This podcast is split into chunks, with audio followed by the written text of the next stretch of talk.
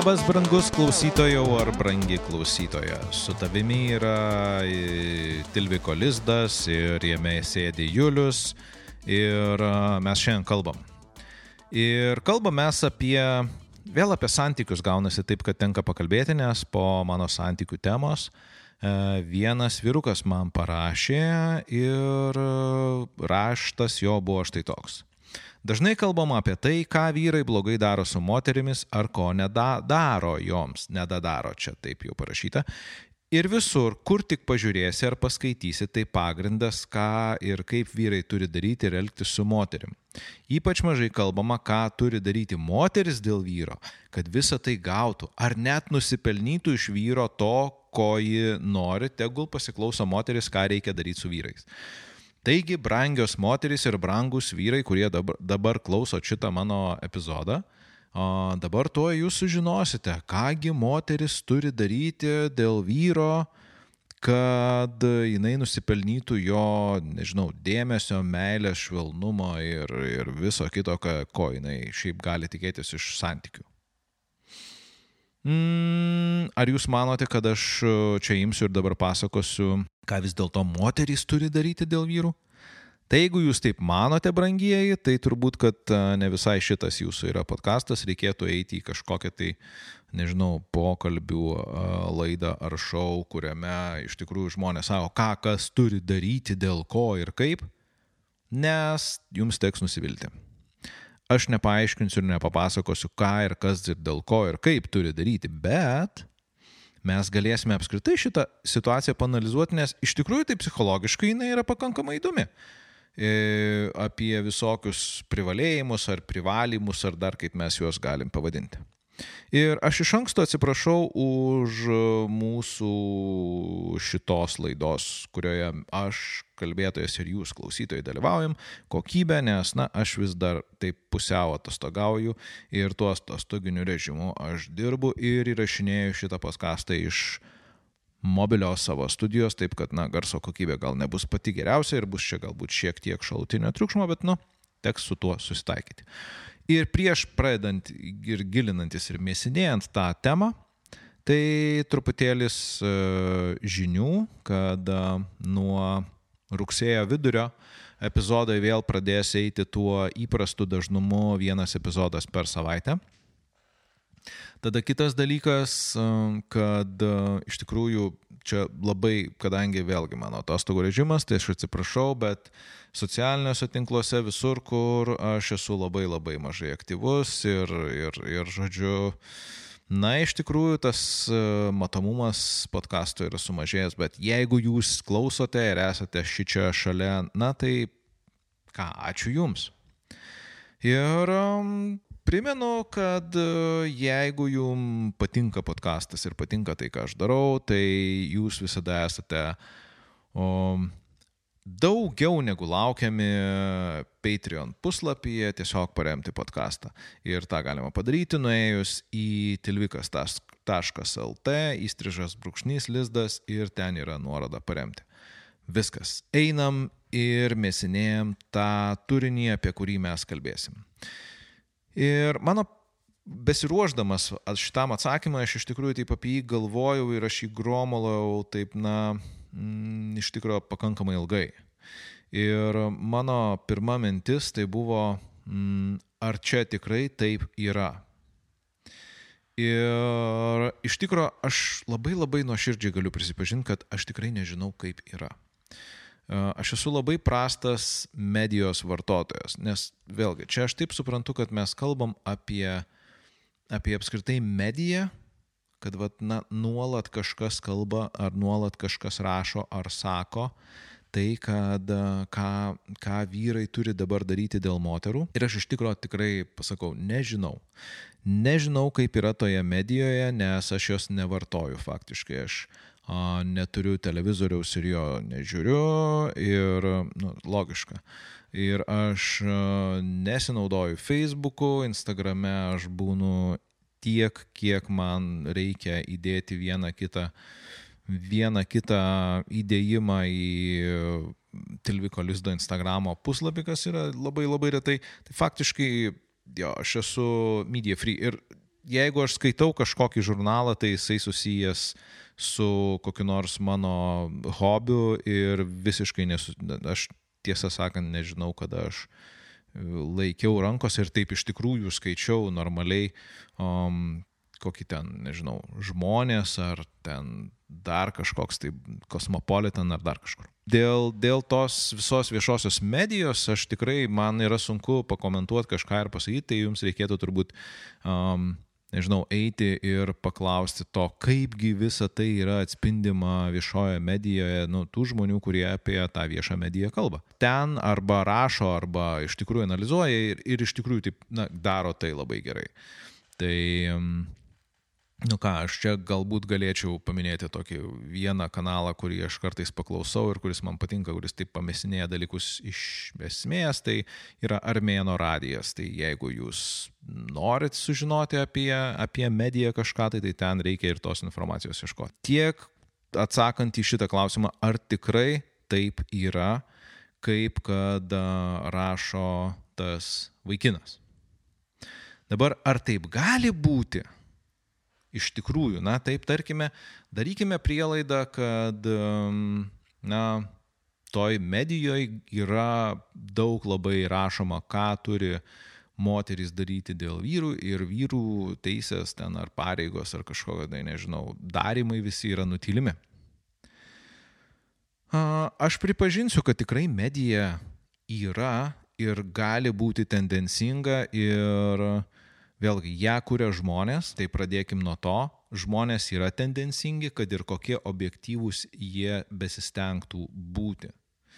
Ir, na, tiesiog taip surėdytos mūsų smegenys, kad mes turime įvairių tų o, psichologinių filtrų, arba kitaip tų nuostatų, arba dar kitaip o, angliškai tai būtų psychological bias arba cognitive biasas. Tai todėl žmonės um, jie patys yra įtakojami savo filtrų ir realiai visą tai jie atspindi ir tame, ką jie kuria. Ir aišku, reiktų nepamiršti to, kad jeigu jie kažką tai tokio kuria, tai um, gali būti, kad, na, tiesiog juos, juos įtakoja ir kažkokie, tai nežinau, pinigai ar, ar kažkokie dar tai bonusai, kurie, kurie kaip čia pasakyti, na, kurie motivuoja juos daryti vieną ar kitą.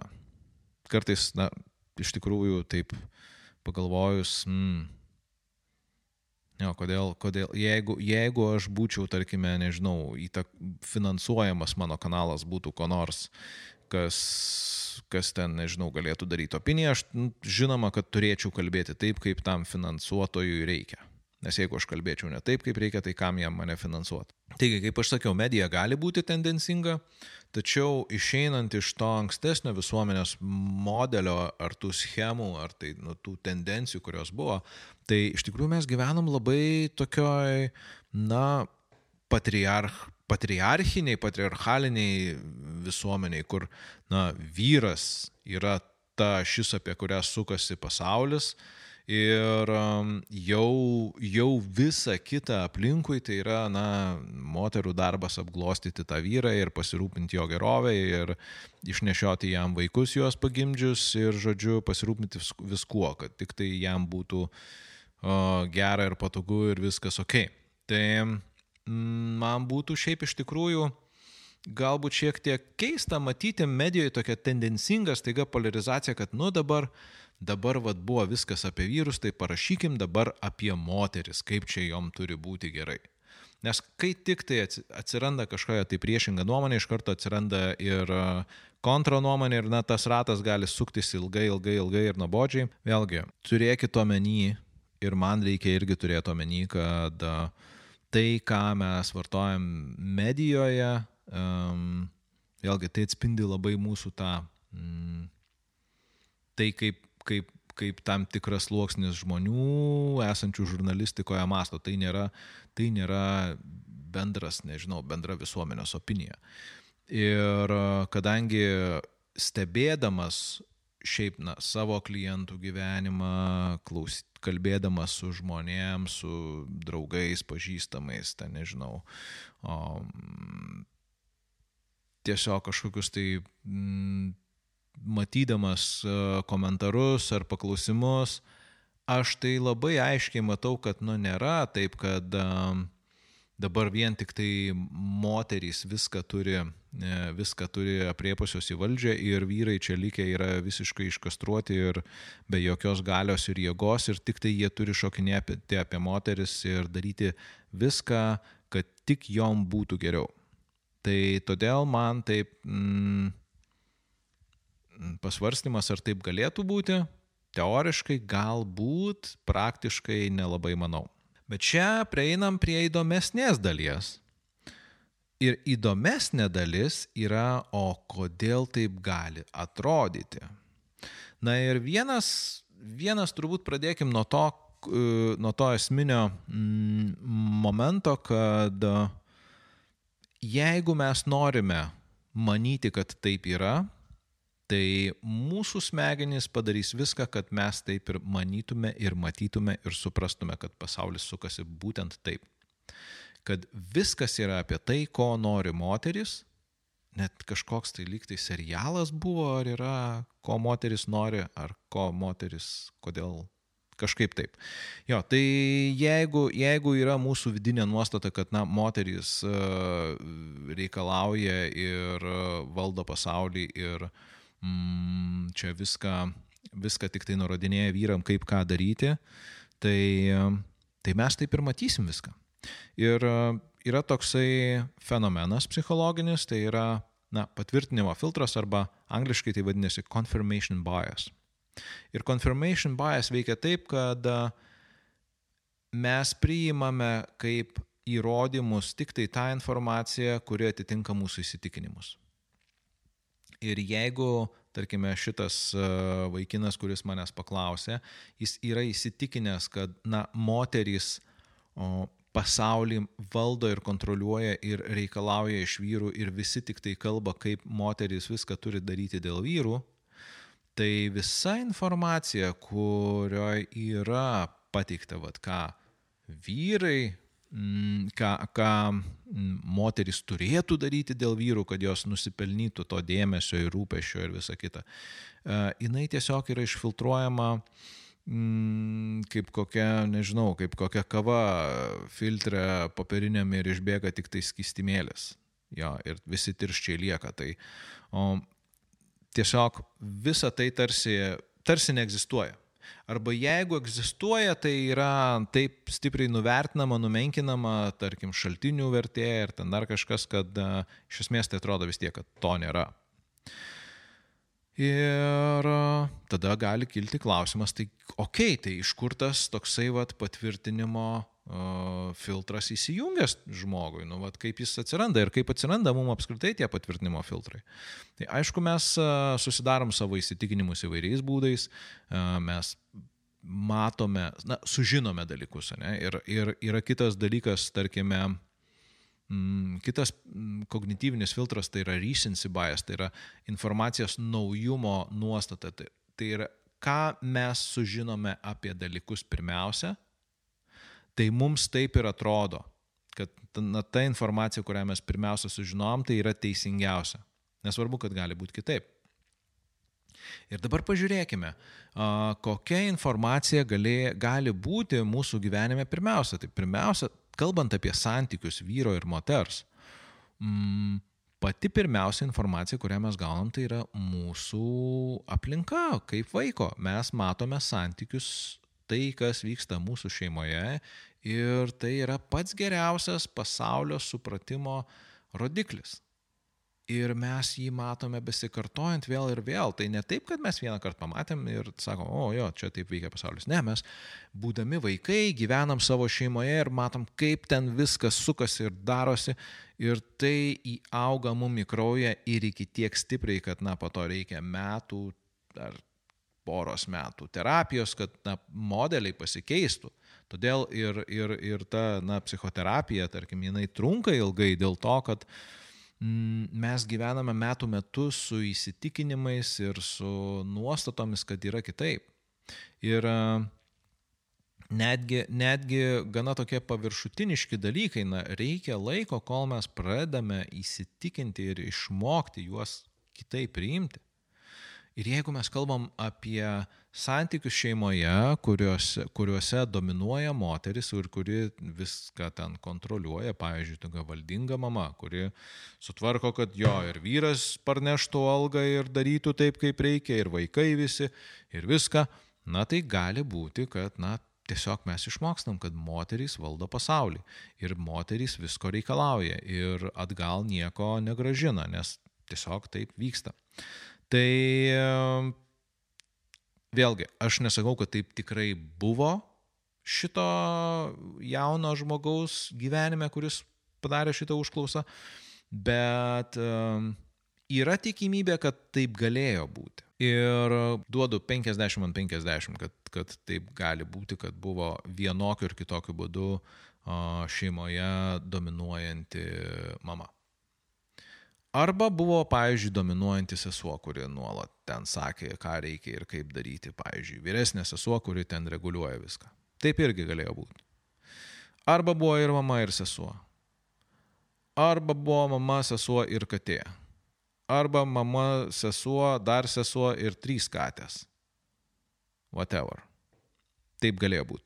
Žodžiu, ir dabar ką mes galim pasižiūrėti, kitas dalykas tai yra uh, Tarkim, tarkim, kad tie santykiai šeimoje buvo galbūt kažkokie kitokie, gal ten buvo kažkoks ten daugiau mažiau lygivertiškumas, bet yra kitas momentas, kad mes pradame, išeiname į gyvenimą ir pradedam kurti savo santykius. Ir mes kuriam juos taip, kaip mums gaunasi. Na, mes matėm savo šeimos modelį.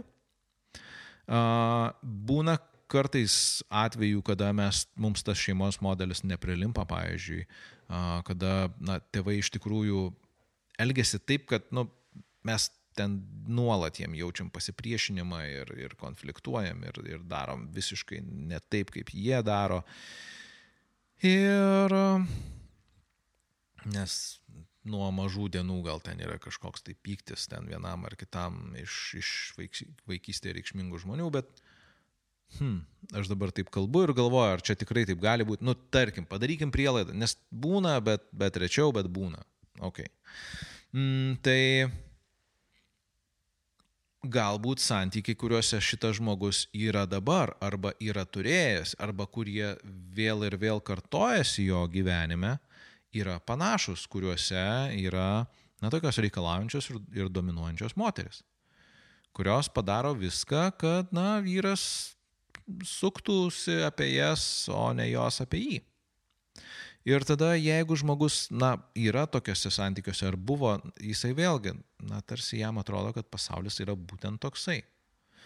Ir jeigu mes pradėtume ieškoti įrodymų, kad pasaulis nėra toksai, tai mums būtų sunkiau, nes vėlgi, kaip mes ir kalbėjom, patvirtinimo filtras.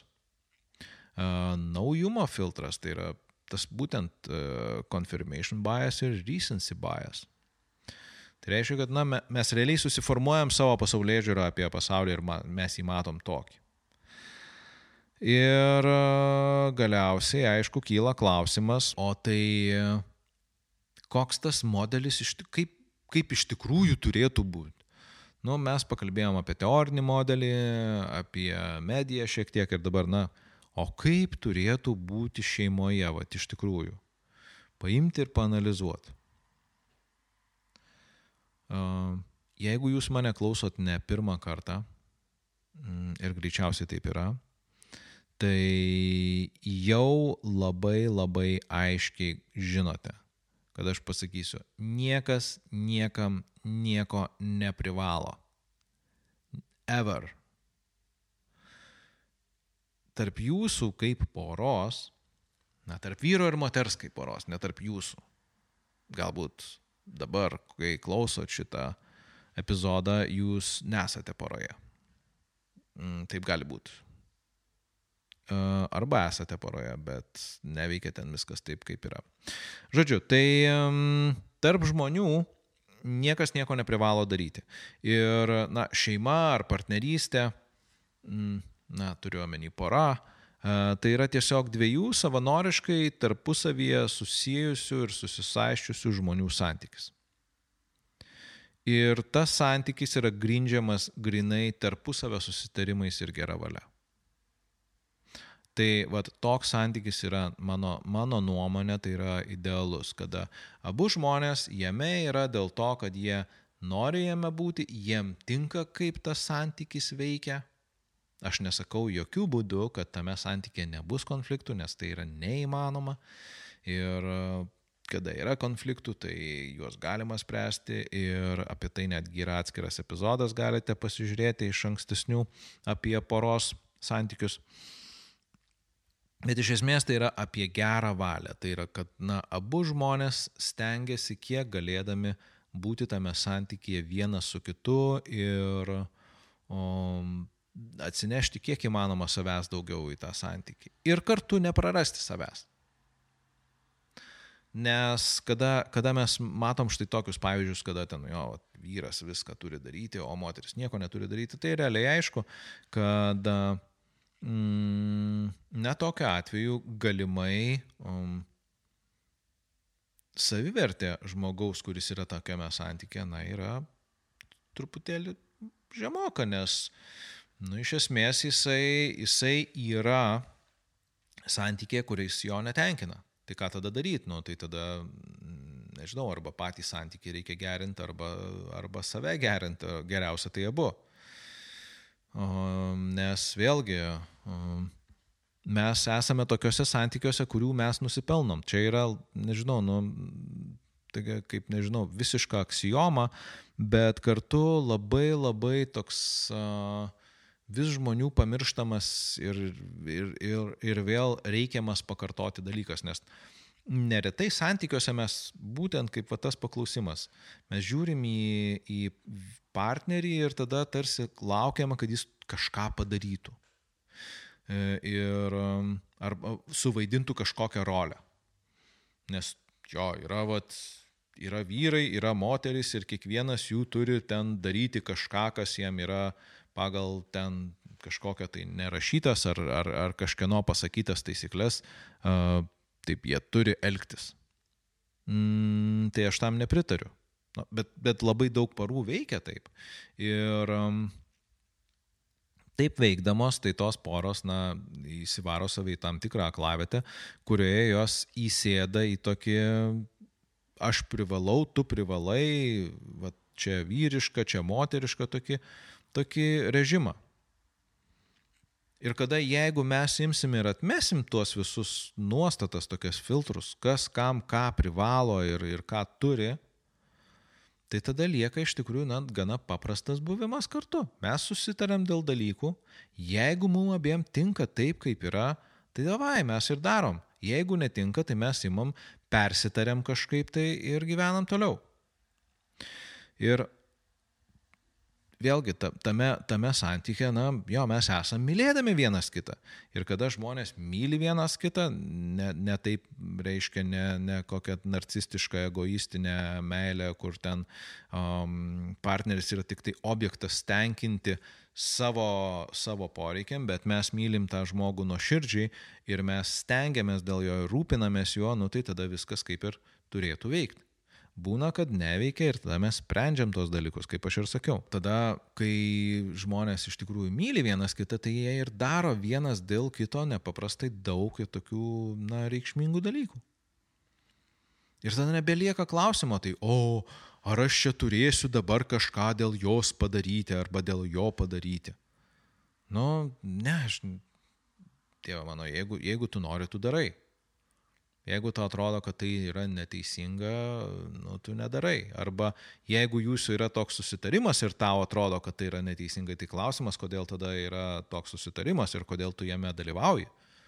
Galbūt tada galima persitart, arba, na, kartais mes iš tikrųjų Uh, tarsi lengva ranka tai pažiūrėm tos pažadus, o jo, aš tave mylėsiu iki grabo lentos, pusę metų praeina, o ne, sorry, bet jau nebe. Uh, Nu, ne, nu, nu būtent, kad, kad, kad uh, reikia galbūt taip truputį nuimti to, tos, tos tokios romantikos ir pridėti tokio racionalumo ir tada atsiranda ta iš tikrųjų tikroji romantika, nes, nes kada tu taip viską, nu, aiškiai matai ir esi ten, tai viskas yra labai paprasta ir aišku ir gerai.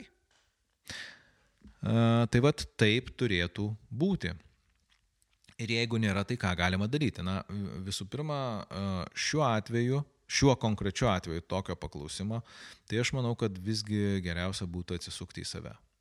Ir pasianalizuoti, kodėlgi aš matau pasaulį taip, šio, šio, šio atveju šito, šito jauno žmogaus, kuris klausia, e, kodėl aš matau pasaulį taip, kaip aš matau, kad, na, moteris tarsi dominuoja ir mes turim kaip vyrai joms lankstytis ir paklusti ir daryti dalykus. Ir atradus galbūt savy kažkokiu tai va tokių resursų ir klausimų, gal iš tikrųjų pamatysim, kad taip nėra. O jeigu taip yra, tai tada galbūt galima atsinešti tą klausimą į savo, į savo tą porą ar šeimą ir sakyt, gerai, nu tai žiūrėk, tai čia buvo, buvo ilgą laiką taip, kad aš čia dariau, ką tu nori ir, ir aš čia stengiausi ir vat, viską, viską dariau ir, ir, ir, ir čia, žodžiu, ir gėlės nešiau, ir indus plovau, ir, reiškia, ir pinigus uždirbau, ir atlyginimą tau čia atiduodavau, ir mašiną nupirkau, ir namą pastačiau, ir viską. Tai dabar žiūrėk, nu dabar aš noriu, kad ne tik tai aš čia vienas viską daryčiau. Nu ir tada žiūrėkit, nu gal aišku, kad bus konfliktas, nes nu, konfliktai atsiranda tada, kada mm, žmonės turi priešingas nuomonės ir staiga čia at, viskas, kas buvo taip labai labai stabilu, pradeda braškėti, nes tokie pamatiniai dalykai, kaip pora funkcionuoja, vienas toks dominuojantis, ta moteris dominuojanti ir tas vyras tada toksai uždominuotas. O pradeda traškėti, nes vyras taiga užaugo ir sako, e, žiūrėk, aš irgi čia turiu kažkokiu teisų. Bet viskas su tuo ok, nes konfliktai mums padeda atrasti kažkokias naujas tiesas, mums padeda jie užaukti, mums padeda suprasti save, tapti geresniais žmonėm, geresnė savo versiją, e, kaip aš čia taip neretai savo kaip tokį moto sakydavau, kad na mes, jo, mūsų darbas yra tapti geresnė savo versiją. Tai tiesiog iš, iš tos situacijos galima imti ir paaukti pačiam arba kaip, kaip porai. Tai va toks trumpas bus šiandien epizodas apie, apie porų santykius ir apie tai, ką moteris turi daryti dėl vyrų, o vyrai dėl moterų. Ir mūsų laukia dabar ateityje, artimoje ateityje, tai kitas epizodas ir jis bus pakankamai rimtas, intensyvus ir toksai, sakyčiau, nelabai lengvas. Tai bus apie suaugusių vaikų ir jų tėvų santykius. Ir kaip turbūt suprantate, šiaip jeigu tie santykiai yra geri, tai mes nekalbėtume psichologinių visokių niuansų ir dalykų. Mes kalbam apie tai, kad na, tas santykis iš tikrųjų yra toksai pabirėjęs ir kada um, suaugę vaikai turi kažkokių nuoskaudų, pykčių ir visokių kitų uh, neperdirbtų jausmų savo tevams ir ką su visu tuo daryti.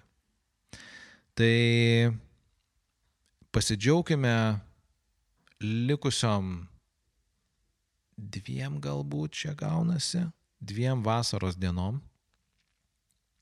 pasitikime gražų rudenį. Na, aš tiesiog linkiu jums, mėly klausytojai, kad tiesiog viskas būtų jūsų gyvenime taip ramu, džiugu ir dažytųsi kažkokiam tai smagiom spalvom, artėjančiais va tokiais va geltonais rudenio lapais ir pasimatysime už dviejų savaičių. O dabar, aišku, labai labai ačiū mano Patreon rėmėjam, virtualus ačiū kaip visada.